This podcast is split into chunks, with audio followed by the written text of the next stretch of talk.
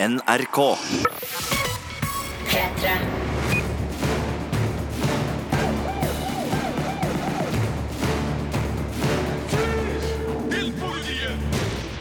Hjertelig velkommen til en ny podkast fra oss i Filmpolitiet. Jeg heter Birger Vestmo, med meg i studio i dag. Marte Hedenstad. Og vi har sett den nyeste av film og eh, serier, dvs. Si én serie som du har eh, sett, Marte. Ja, jeg har, jeg har lyst til å si at den heter Bitter Sweet, men den heter ikke det. Sweet Bitter har premiere på Seymour og TV2 Sumo i morgen, og det er en eh, restaurantdramedie om en ung kvinne på eventyr i New York. Jeg har sett to premierefilmer som eh, heter så mye som Love Simon og Kikis budservice. Den første basert på en populær ungdomsroman om en eh, ung gutt som eh, holder det hemmelig for alle at han er homofil. Mens Kikis budservice er jo en gammel film fra studio Ghibli og den japanske mesterregissøren Hayao Miyazaki, som egentlig du har det sterkeste forholdet til, Marte. Jeg er utrolig stor fan av Hayao Miyazaki. Han er nok min favorittfilmskaper av alle i hele verden. Men det er jeg som har anmeldt Kikis budservice, og det er mulig vi må diskutere det litt grann her i dagens Filmpoliti. Filmpolitiet anmelder film. Good morning, Creekwood Hog! My name's Simon. For the most part, my life is totally normal. I have a family that I actually like, and there's my friends. We do everything friends do. We drink way too much iced coffee while gorging on carbs. So, I'm just like you, except I have one huge ass secret. Nobody knows I'm gay. Love Simon handler altså om Simon som er homofil, men hold det hemmelig. Og det å være eh, skaphomse, det, det føler jeg at jeg har sett før på film. Hva med deg, Marte? Ja, jeg tror kanskje jeg har sett det før på film. Ja, Uten at jeg egentlig greier å pinpointe noen spesifikke eksempler akkurat her og nå.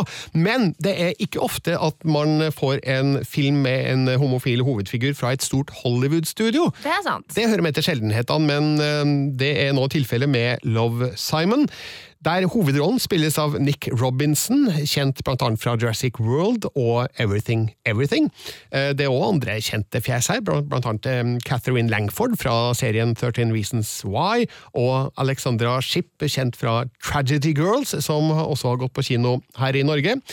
Og det er en søt og sympatisk eh, film, altså, om denne Simon som en helt vanlig eh, ung eh, skoleelev, men han er altså homofil, eh, har valgt å holde det hemmelig av ulike årsaker. Han sier det jo veldig godt da, i filmen. Altså, Heterofile trenger jo ikke å stå frem som heterofile, så hvorfor skal han stå frem som homofil? Men det blir jo utfordrende for han etter hvert, når all rundt han automatisk går ut ifra at han også er heterofil. Og til slutt så kommer han opp i en situasjon eh, der legningen hans eh, muligens eh, står i fare for å bli avslørt. Skal ikke si noe mer om hvordan denne historien utvikler seg. Men det er morsomt, underholdende, og det er godt spilt, og man forstår jo dilemmaet Simon befinner seg i. Samtidig som det er ikke en film med konflikter som skrus til unødig. Det er en ganske naturlig utvikling her, og vi følger jo Simon og vennene hans inn i eh, problematikken som historien forårsaker. Eh, igjen, eh, vil ikke avsløre mer enn nødvendig, jeg trenger ikke vite noe mer om historien enn det jeg allerede har sagt, men det er jo en high school-film med high school-sjangerens eh, kjennetegn. Eh, Du har altså vennegjengen bestående av ulike personligheter, du får forholdet til foreldrene, du har en, en litt sånn kjip eh, overlærer, spilt av Tony Hale, kjent eh, blant annet fra Veep.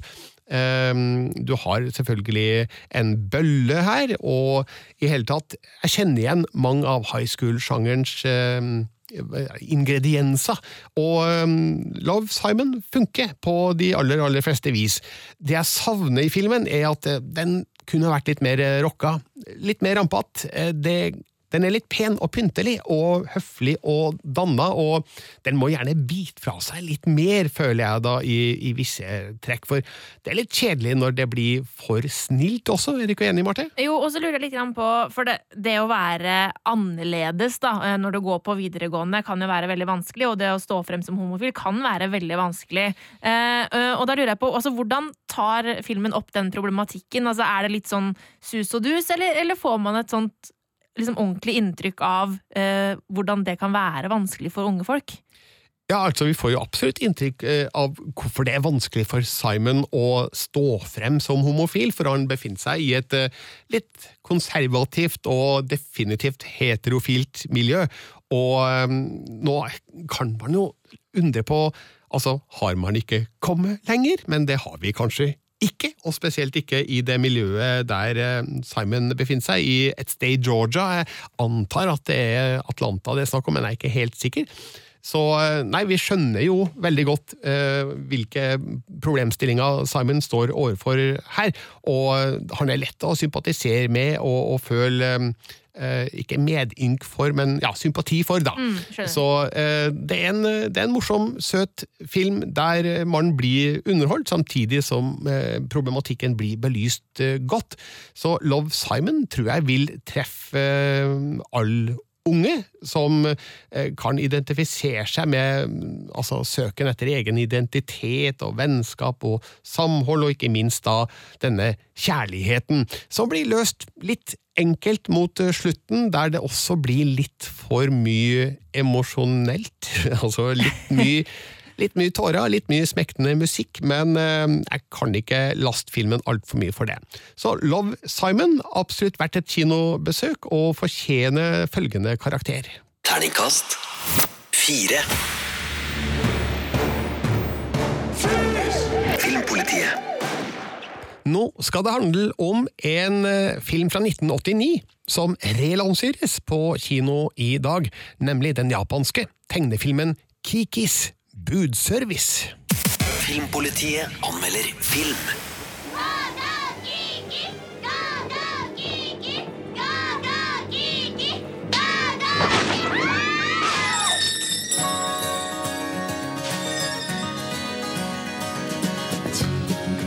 私空を飛ぶしか能がないでしょ？だからお届け屋さんはどうかなって。面白いよ。空飛ぶ宅急便ってわけね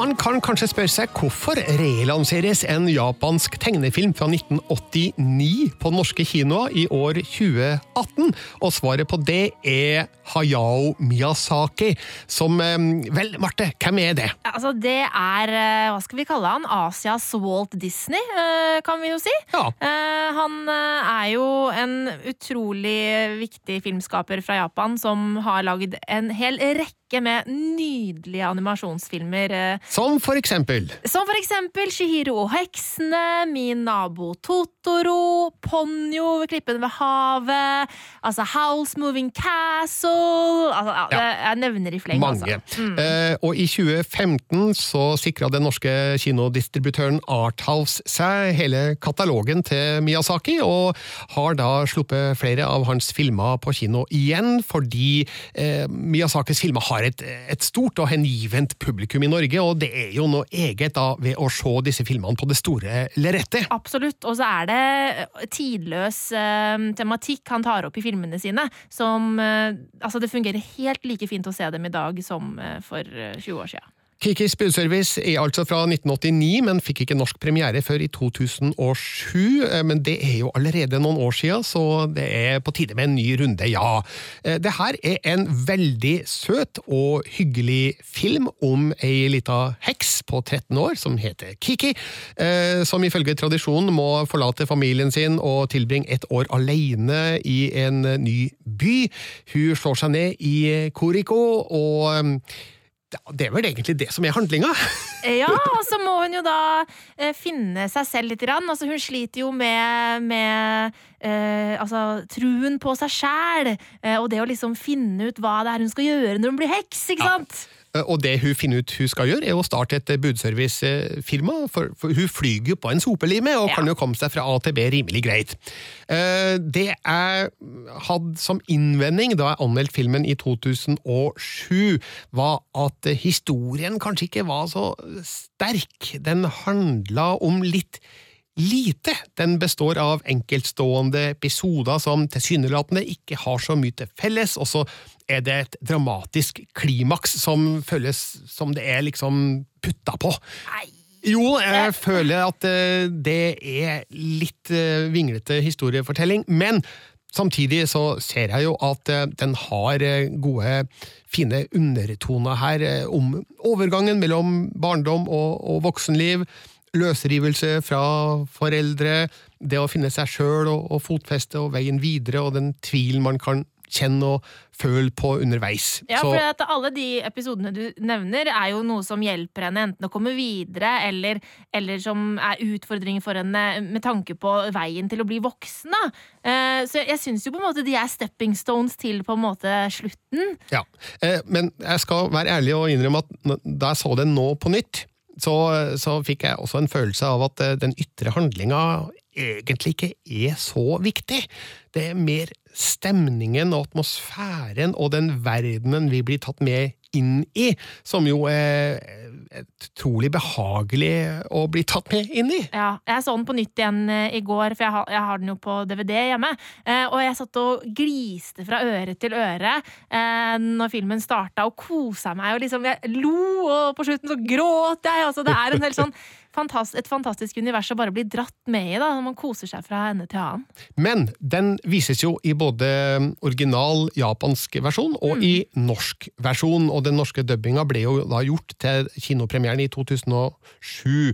Og jeg må si, jeg foretrekker å se alle Miyazakis filmer på norsk. Ja, jeg syns det blir for um, Altså, det er jo en sånn e Jeg ser jo filmene på japansk, for jeg syns at det på en måte Det er litt av sjarmen, men det er jo en egen greie med eh, kanskje litt overdrevent stemmeskuespill eh, og sånne ting som eh, man finner i japansk animasjonsfilm. Um, men jeg, jeg syns det på en måte er, det hører til, tenker Ja, jeg. men det, det, er jo, det er jo kultur og tradisjon som spiller inn Ja. her, og det er jo da måten eh, japanere har spilt på i hundrevis av år, Mm. eh, mens vi her i Norge er litt mer vant til litt sånn mer sånn nedpå-spillestil. Ja. Og eh, jeg syns at det kler eh, i hvert fall Kikis budservice eh, godt, eh, spesielt fordi byen og landskapet i filmen er veldig inspirert av Skandinavia. Ja. Riktignok Sverige, altså Stockholm og Gotland. Men jeg syns at den norske dubbinga er veldig god, og den åpner jo også filmen opp for en yngre gruppe med kinogjengere. For det er klart at Kikis budservice er kjempefin for de minste, men også for disse som må drasse med seg småttingene på kino. Så eh, jeg ga filmen terningkast fire da den eh, hadde premiere i 2007, og jeg har holdt på den nå. Det skal litt til å gå opp på terningen, men eh, den er i hvert fall veldig sterk, den fireren. Eh, Hva syns du om det, Marte? Altså, jeg hadde kanskje trilla en femmer av Birger, Okay. For jeg syns det er så koselig film. Men hvis, hvis fireren er sterk, så, så skal jeg gå med på Eh, det. til slutt eh, så er jeg bare nødt til å gi en shout-out til mm, magasinet Cinema eh, på, og nettstedet deres, sinne.no, for der har Kikkis Kikis budservice fått eh, terningkast eh, seks, altså. Oi, oi, oi. Eh, men de har, de har en veldig veldig fin overskrift på den anmeldelsen. Hex and the City. Men her i Filmpolitiet får Kikis budservice altså Terningkast fire.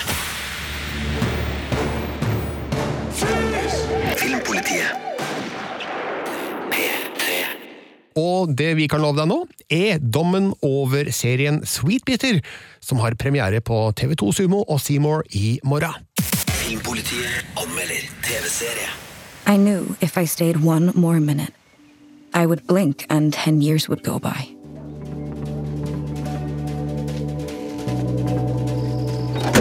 Next thing I knew, I was driving. There wasn't any exhilaration, just momentum.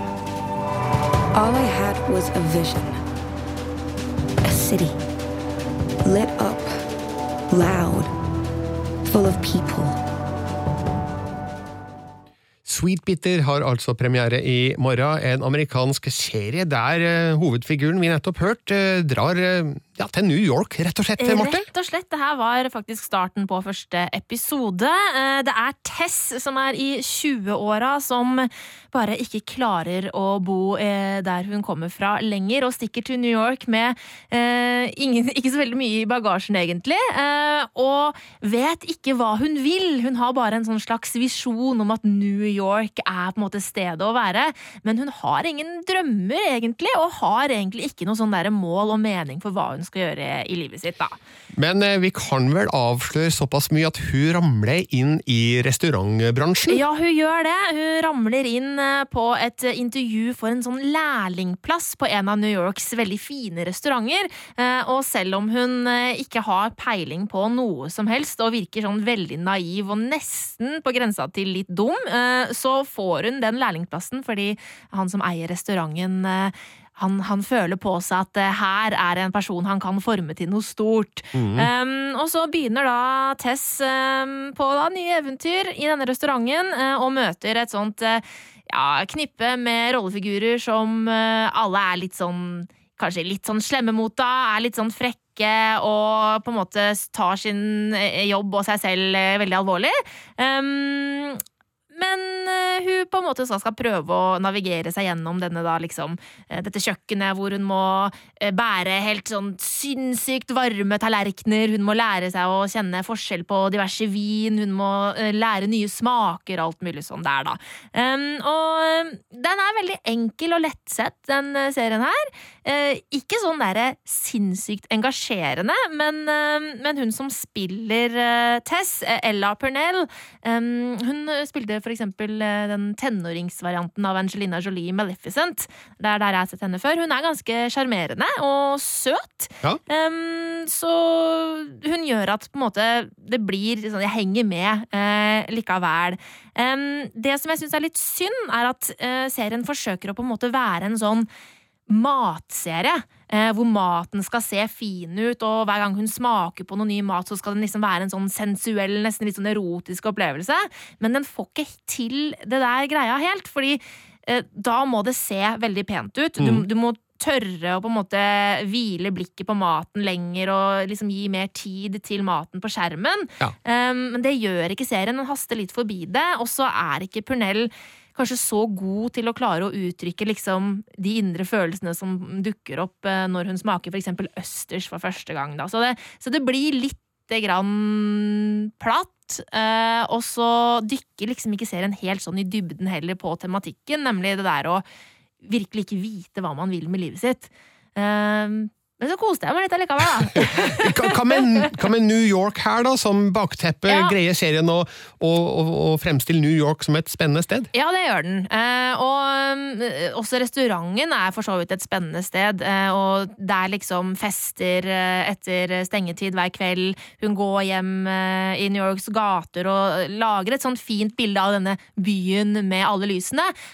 Sånn at Sweet Bitter blir en sånn ja, lett halvtime som du kan kose deg med til middagen, men eh, ikke noe mer enn det. Terningkast tre.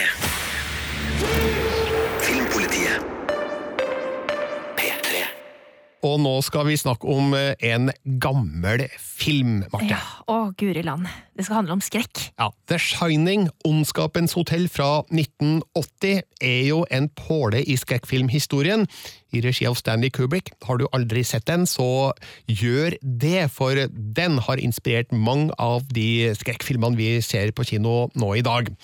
Nå skal The Shining få en oppfølger. Det hadde jeg ikke sett komme, men i 2013 ga jo forfatter Stephen King ut en oppfølgerroman som heter Doctor Sleep.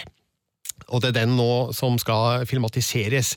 Jeg, tror at det her skyldes suksessen til It, fordi nå tror jeg alle som har rettigheter til Stephen King whatever, kaster seg på det og skal lage nye filma basert på Stephen King-romanen, for ja. navnet hans selv fremdeles. Ikke sant. Eh, og den, eh, den romanen var jo veldig sånn etterlengta da den kom i 2013, for folk har jo vært veldig nysgjerrig på hvordan det går da med Danny Torrance, han lille gutten fra The Shining som hadde noe eh, spesielle evner, kan du si. Ja. Eh, og nå er det da Ewan McGregor som skal spille han i voksen versjon. Eh, en fordrukken kar sådan som eh, sliter med traumene han, han pådro seg i barndommen. Ja, Det er Variety som melder denne castinga, som jeg stiller meg 100% bak, for Ewan McGregor han har vi troa på. Absolutt. Eh, og så virker det som, da, ifølge handlingsreferatet her, at eh, han eh, sobrer opp. Han eh, legger flaska på hylla, for å si det sånn, men da kommer disse shining-kreftene tilbake. Og det skal bli spennende å se hva det her kan eh, bli til. Det er kjent fra før at eh, regissøren av eh, Doctor Sleep skal være Mike Flanagan, som har laga skumle filmer før, som Oculus og Before I Wake og Ouija Origin of Evil. Men, Sånne filmer jeg har valgt å ikke se, Ja. fordi jeg blir for redd. Ok, men samtidig litt skeptisk, da, fordi å lage en oppfølger av en Stanley Kubrick-film, det kan by på store utfordringer, i hvert fall eh, når det gjelder publikums forventninger. Absolutt. Eh, Forventninger kan man òg ha til nyinnspillinga av Arachnophobia, som eh, er på gang. I hvert fall så meldte Deadline denne uka at Steven Spielbergs selskap Amblin Entertainment og produsent James Wan, kjent for Saw og Insidious og alt mulig rart eh, skummelt, eh, har en remake under planlegging. Vi vet ingenting mer enn det, verken hvem som skal forfatte det her, eller regissere, eller spille i den. Men det vi veit, det er at uh, Arachnofobia var en helt for jævlig film! Du, på den gode måten da den kom. Jeg skal si deg en ting, Marte. Jeg er skikkelig eh, pinlig redd for edderkopper. Eh, Det, det er et eller annet eh, dypt ned i psyken min som sier at edderkopper skal jeg være jævlig redd for. Ja, å guri land. Så eh, Arachnophobia fra 1990, uh, sjekk ut den hvis du kan. Den er dessverre ikke tilgjengelig på noe streaming, virker det som. Jeg, bestilte den faktisk uh, rett før sending. Bestilte den på, på Blu-ray fra å USA. gud, jeg vil ikke se den igjen! Jeg har et sånt minne om noe sånne derre eggsekker som henger i en kjeller med gigantiske edderkopper. Å herregud, det er så grusomt. Originalen handler jo om en eh, veldig slem eh, eh, edderkopp fra Venezuela, Ja. som blir importert av en ulykke til California, og ja, formerer seg der. Yes. Eh, Jeff Daniels og Jeff eh, Goodman eh, John Goodman, unnskyld, spilte hovedrollene i, i den filmen, som jeg ikke har turt å se på veldig veldig mange år, men nå har jeg bestilt Blu-rayen, så da må jeg kanskje det. Og så, med James Wan bak roret, som produsent i hvert fall, så vil det jo også komme en remake da, av Arachnophobia om et år eller to. Vi gruer oss til det. Filmpolitiet. På P3. Det skal komme et dataspill basert på Stranger Things, Marte? Yes, og det er da Telltale Games som har vært eh, ute på farten og skal samarbeide med Netflix, eh, og det er ganske spennende, for Telltale Games de har laga spill basert på serier før, som har vært ganske bra, eh, nemlig The Walking Dead og også Game of Thrones. Så mm, det som er litt kult med de spilla som Telltale Games har laget basert på serier tidligere, er er at det, det er litt sånn der eh, type pek og klikk eh, type spill, eh, men hvor du da spiller rollefigurer som hele tiden må ta type forskjellige valg, og ofte ganske sånn etisk vanskelige valg. Um, og så har da det du svarer og de valgene du tar, konsekvenser for hvordan da spillet utvikler seg. Eh, Nå finnes det et eh, Stranger Things-spill fra før som heter Stranger Things The Game for iPhone og, Android, men det er litt sånn mer sånn retro-spill. Ja, mens det her eh, skal jo da bli en mer sånn eh, opplevelse hvor du får være en av rollefigurene, vil jeg tro. Det er i hvert fall sånn uh, Telltale har gjort det vi, uh, tidligere. Um, men uh, jeg er litt sånn spent på hvordan de skal løse det den gangen, fordi um, sånn som i Game of Thrones og i The Walking Dead, så er det jo veldig mange Altså Hvis du setter deg inn i den situasjonen, så er det jo mye valg du må ta, og som du kanskje ville tenkt vært vanskelig rent personlig. Ja. Eh, men jeg, jeg vet ikke helt hva som på en måte, hvilke etiske valg eh, som man liksom skal bli utsatt for i Stranger Things. Men det er jo mulig de skal gå en helt annen retning denne gangen. Ja. Det er ikke sikkert de skal følge oppskriften fra de tidligere spillene de har lagd på serier. Eh, For vi vet jo egentlig svært lite om dette spillet her, annet enn om at eh, det er eh, i utvikling, og at det kommer til konsoller og, og, eh, og and Consoles and computers at a later date, eh, som de tvitra på onsdag. Det blir på alle plattformer, det altså. En wide release. Kanskje i forbindelse med lanseringa av Stranger Things Du- sesong tre? Sier noe. Du sier noe. P3. Og vi skal komme med en spoiler-alert om Wonder Woman. Eh, Veit du ikke hva som skjedde mot slutten av den første Wonder Woman-filmen, så bør du finne på noe annet det neste minuttet, eller de to neste, kanskje, fordi eh, det har kommet opplysninger om eh, den neste Wonder Woman-filmen som kommer i november 2019. Vi kan avsløre eh, hva den skal hete, uten at det spoilerer noe, Ja, den skal hete Wonder Woman 1984. 1984. Og eh, det er jo bare tykt å anta at eh, det er handlinga som skal foregå i 1984. Yes, eh, og det kan man se på bildene som er sluppet fra filmen nå, fordi der er det mye 80-tallsklær, eh, for å si det sånn. Men de bildene avslører også noe som vi må ta en spoiler-alert på.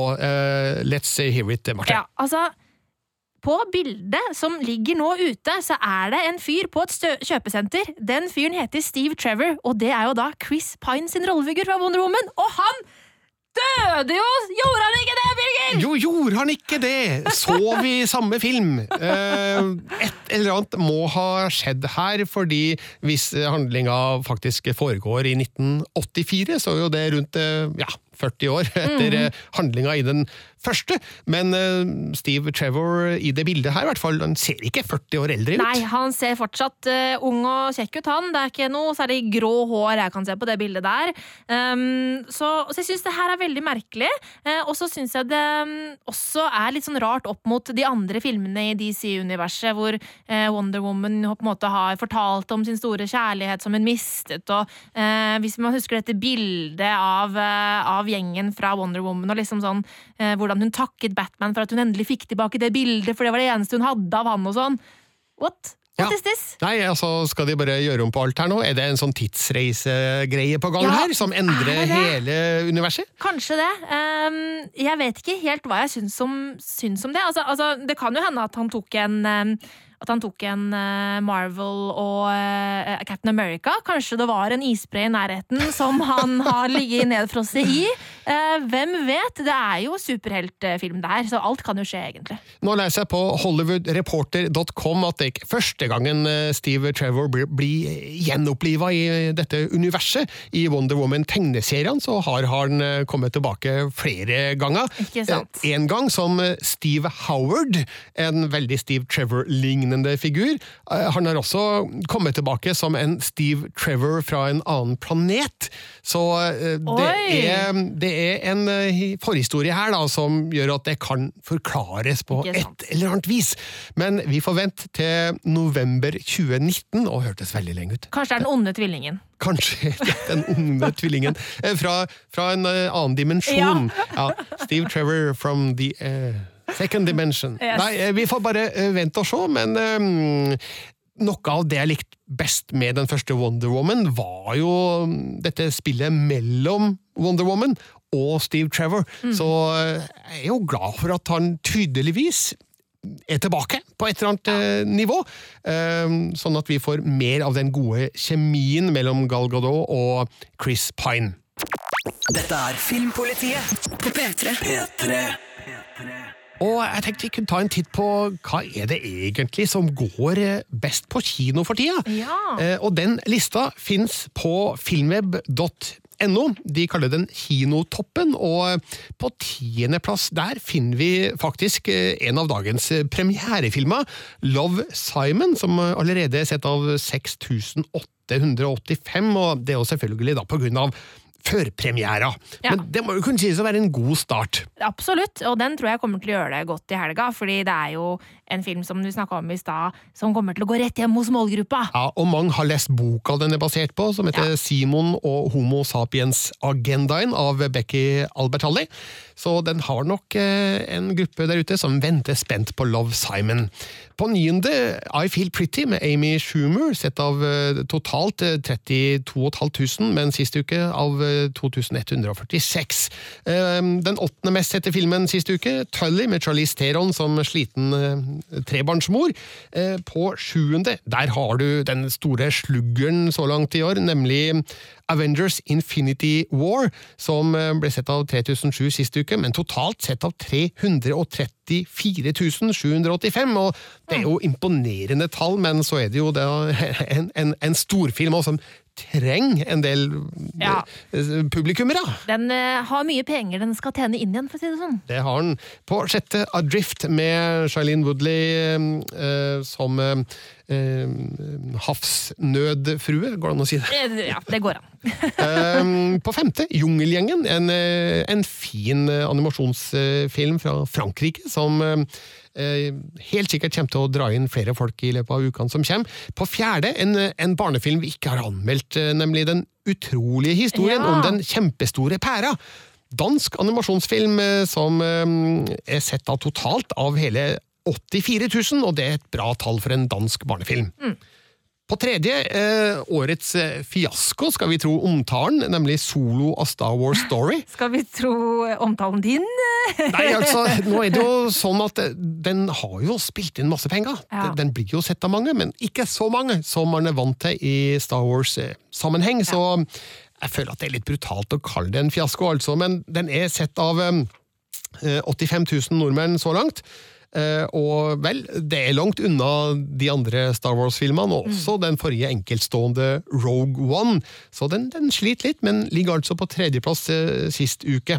På andreplass Deadpool 2, som er sett av eh, 223 000 totalt. Og i motsetning til solo av Star Wars Story, så har jo ikke den et så enormt eh, budsjett i utgangspunktet, så den gjør det jo veldig bra. Den gjør det, og 18 000 så den sist uke, og den er still going strong. Men den store vinneren i uka som har gått, er jo selvfølgelig da forrige ukes premierefilm, Jurassic World Fallen Kingdom, som er sett av 101 500 nordmenn da i løpet av den første uka, og det lover jo godt da for de kommende ukene, der den ikke har fryktelig stor konkurranse, i hvert fall ikke den nærmeste uka.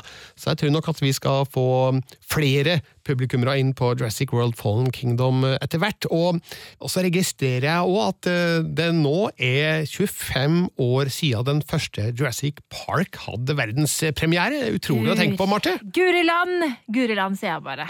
Og når man ser Jurassic Park på nytt nå, så den ser virkelig ikke 25 år gammel ut. Den har holdt seg så utrolig bra, og det er vel den derre blandingen mellom CGI og faktisk ekte props som gjør det, kanskje? Ja, og nå er det jo 25 år gamle CGI, er jo steinalder-CGI, men ble brukt på veldig smart eh, vis og lysatt veldig eh, bra av mm. Spielberg og hans eh, stab, så eh, den har virkelig holdt seg. Eh, nå er jo altså Jurassic World eh, Nei, ja, Jurassic World Fallen Kingdom på, på kino, den, den femte filmen totalt i serien, og her skal du få høre hva jeg syntes om den, da den hadde premiere i forrige uke. Filmpolitiet anmelder film.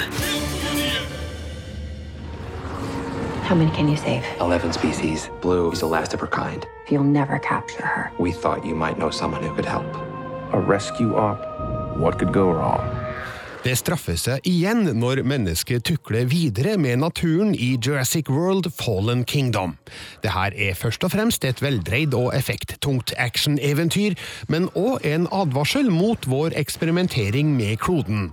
Det var imidlertid òg den aller første Jurassic Park-filmen i 1993, så hva er nytt? Historien har en spennende utvikling som åpner for flere interessante muligheter i seinerfilmer, men ellers er mye det samme. Mennesker tror de kan kontrollere dinosaurene, klarer det ikke og må kjempe for å redde liv og lemmer. Jurassic World Fallen Kingdom knytter seg altså tett opp mot sine forgjengere.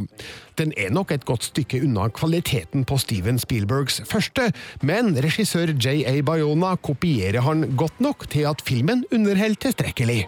Hey, Blue. You know me. Come with me. You know you can't stay here. Right.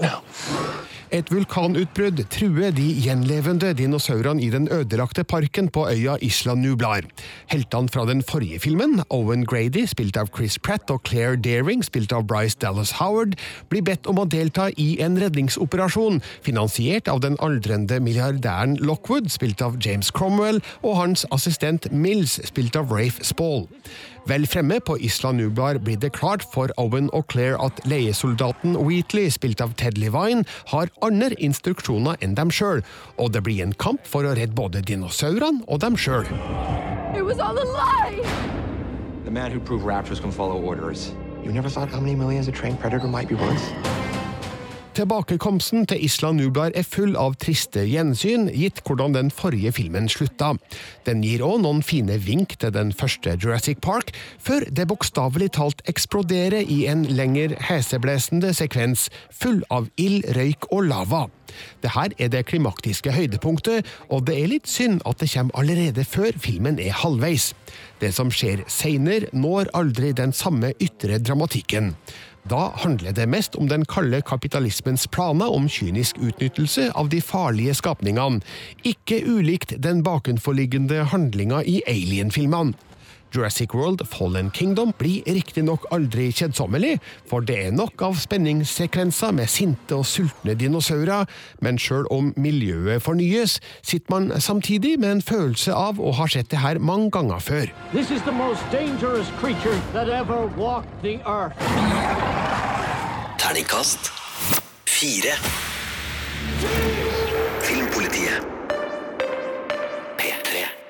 Så over til premierefilmen for de aller yngste barna denne uka, nemlig Brannmann Sam helter i stormen.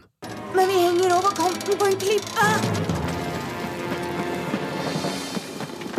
Alle sammen sitter stille. Jeg skal ringe til brannmann Sam. Er det fare, fare, fare omkring? Si meg, hvem er det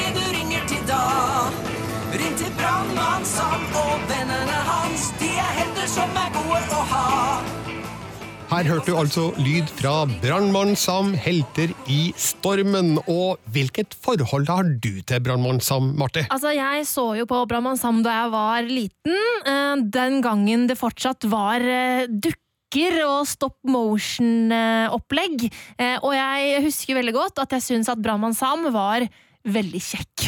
Ja, eh, jeg har jo barn som har eh, vært fans av Brannmann Sam, nå er de for store til det, men det er ingen tvil om at Brannmann Sam har et eh, skikkelig hardt grep rundt eh, sitt kjernepublikum, som er rundt sånn tre, fire, fem år der omkring, da. Og det er jo de som skal lokkes inn i kinosalen nå da og se Helter i stormen. Men uh, bør de dra og se filmen? Vel, kommer helt an på.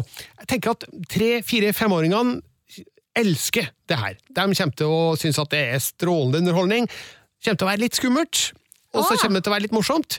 Eh, Men eh, foreldrene som eh, er med, kommer til å se, sånn som meg, at gud bedre, det her er billig produksjon, altså. Å ja, det er såpass, ja. Det er ikke stop motion-dukka, det er digital animasjon, og den er utført i Kina av sånne små, sju år gamle kinesere som sitter innelåst i en mørk fabrikk og klakker i vei på tastaturene sine. Er dette fakta, faen?! Er dette fakta? det er nok ikke det, men eh, det her ser utrolig billig ut. Skjønner. Litt sånn det Pixar eksperimentert med på 1980-tallet. Altså, vi er rundt der da, i kvalitet.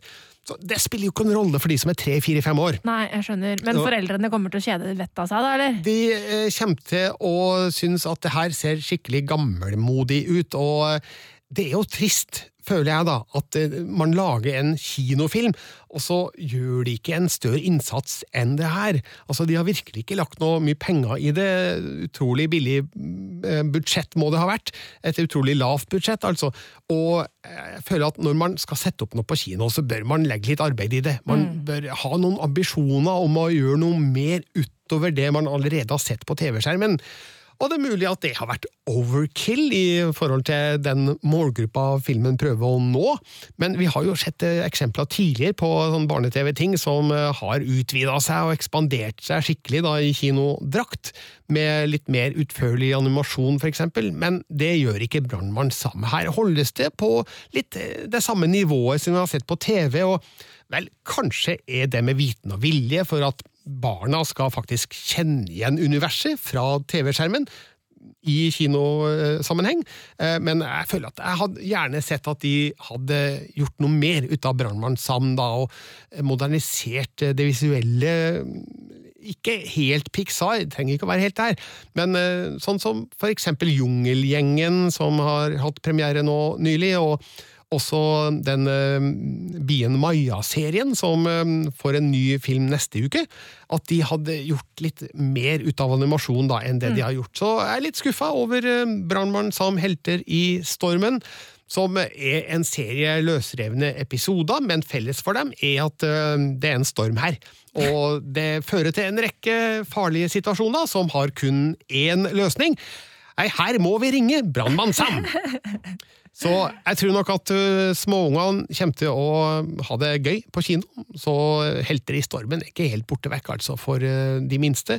Men uh, det blir for kjedelig for foreldre, og derfor får Brannmann Sam Helter i stormen Terningkast to. Denne ukas podkast fra Filmpolitiet er over. Eh, Vi må som vanlig minne om at vi har enda en podkast gående, Marte. Yes, vi har jo Westworld-podden, der vi virkelig eh, går, tar et dypdykk i Westworld-universet. Og ukas episode, den var helt fabelaktig. Altså, Westworld-episode var helt fabelaktig. Eh, så det er da Erlend Onke Solbru fra eh, eh, NRK sin vitenpodkast Kuriøs, og Lydia fra Newton, som er gjester i ukas podkast. Og vi fant ut at ukas Westworld-episode er sesongens beste. Så hvis du er gira på å preike med oss om det, så sjekk det ut der du finner dine podkaster. Vi er tilbake om en uke med en ny Filmpoliti-podkast eh, og sending på P3 klokka ti på fredag, og da med fire interessante filmer. Altså har, har allerede nevnt Bien Maja, Honninglekene, som er for de minste. Ulvehunden er en ny fransk animasjonsfilm basert på Jack Londons klassiske fortelling. Herregud, jeg elsker den filmen med Ethan Hawke! Ja, fra 1991. Ja, Å, den var fin. Nå kommer det altså en ny tegnefilmversjon av den historien. Og så får vi da Oceans 8, som er da mm, kvinneversjonen av Mm. Oceans 11, med blant annet Sandra Bullock eh, og Kate Blanchett. Og så den filmen jeg gleder meg aller mest til i neste uke, skrekkfilmen Hereditary, som jeg har hørt veldig mye skummelt om. Du liker skrekkfilmer, du. Selvfølgelig gjør jeg det, gjør ikke du? Jeg blir jo så redd! Ja, men det er jo hele poenget! Det er jo derfor vi ser skrekkfilm. Ja, en en indie-skrekkfilm som fikk eh, veldig god omtale da den ble vist eh, på Sundance-festivalen tidligere i år. Nå er det endelig klart for eh, norsk premiere, altså, med Tony Collette og Gabriel Byrne i to av hovedrollene. Så det er neste uke. Det her har vært denne ukas podkast, obviously. Eh, I studio i dag Marte Hedenstad. og Birger Vestmo, tusen takk for at du lasta ned og hørte på. Gi oss veldig gjerne en rating og en omtale der du finner dine podkaster. Da blir vi veldig glade og gir deg terningkast seks.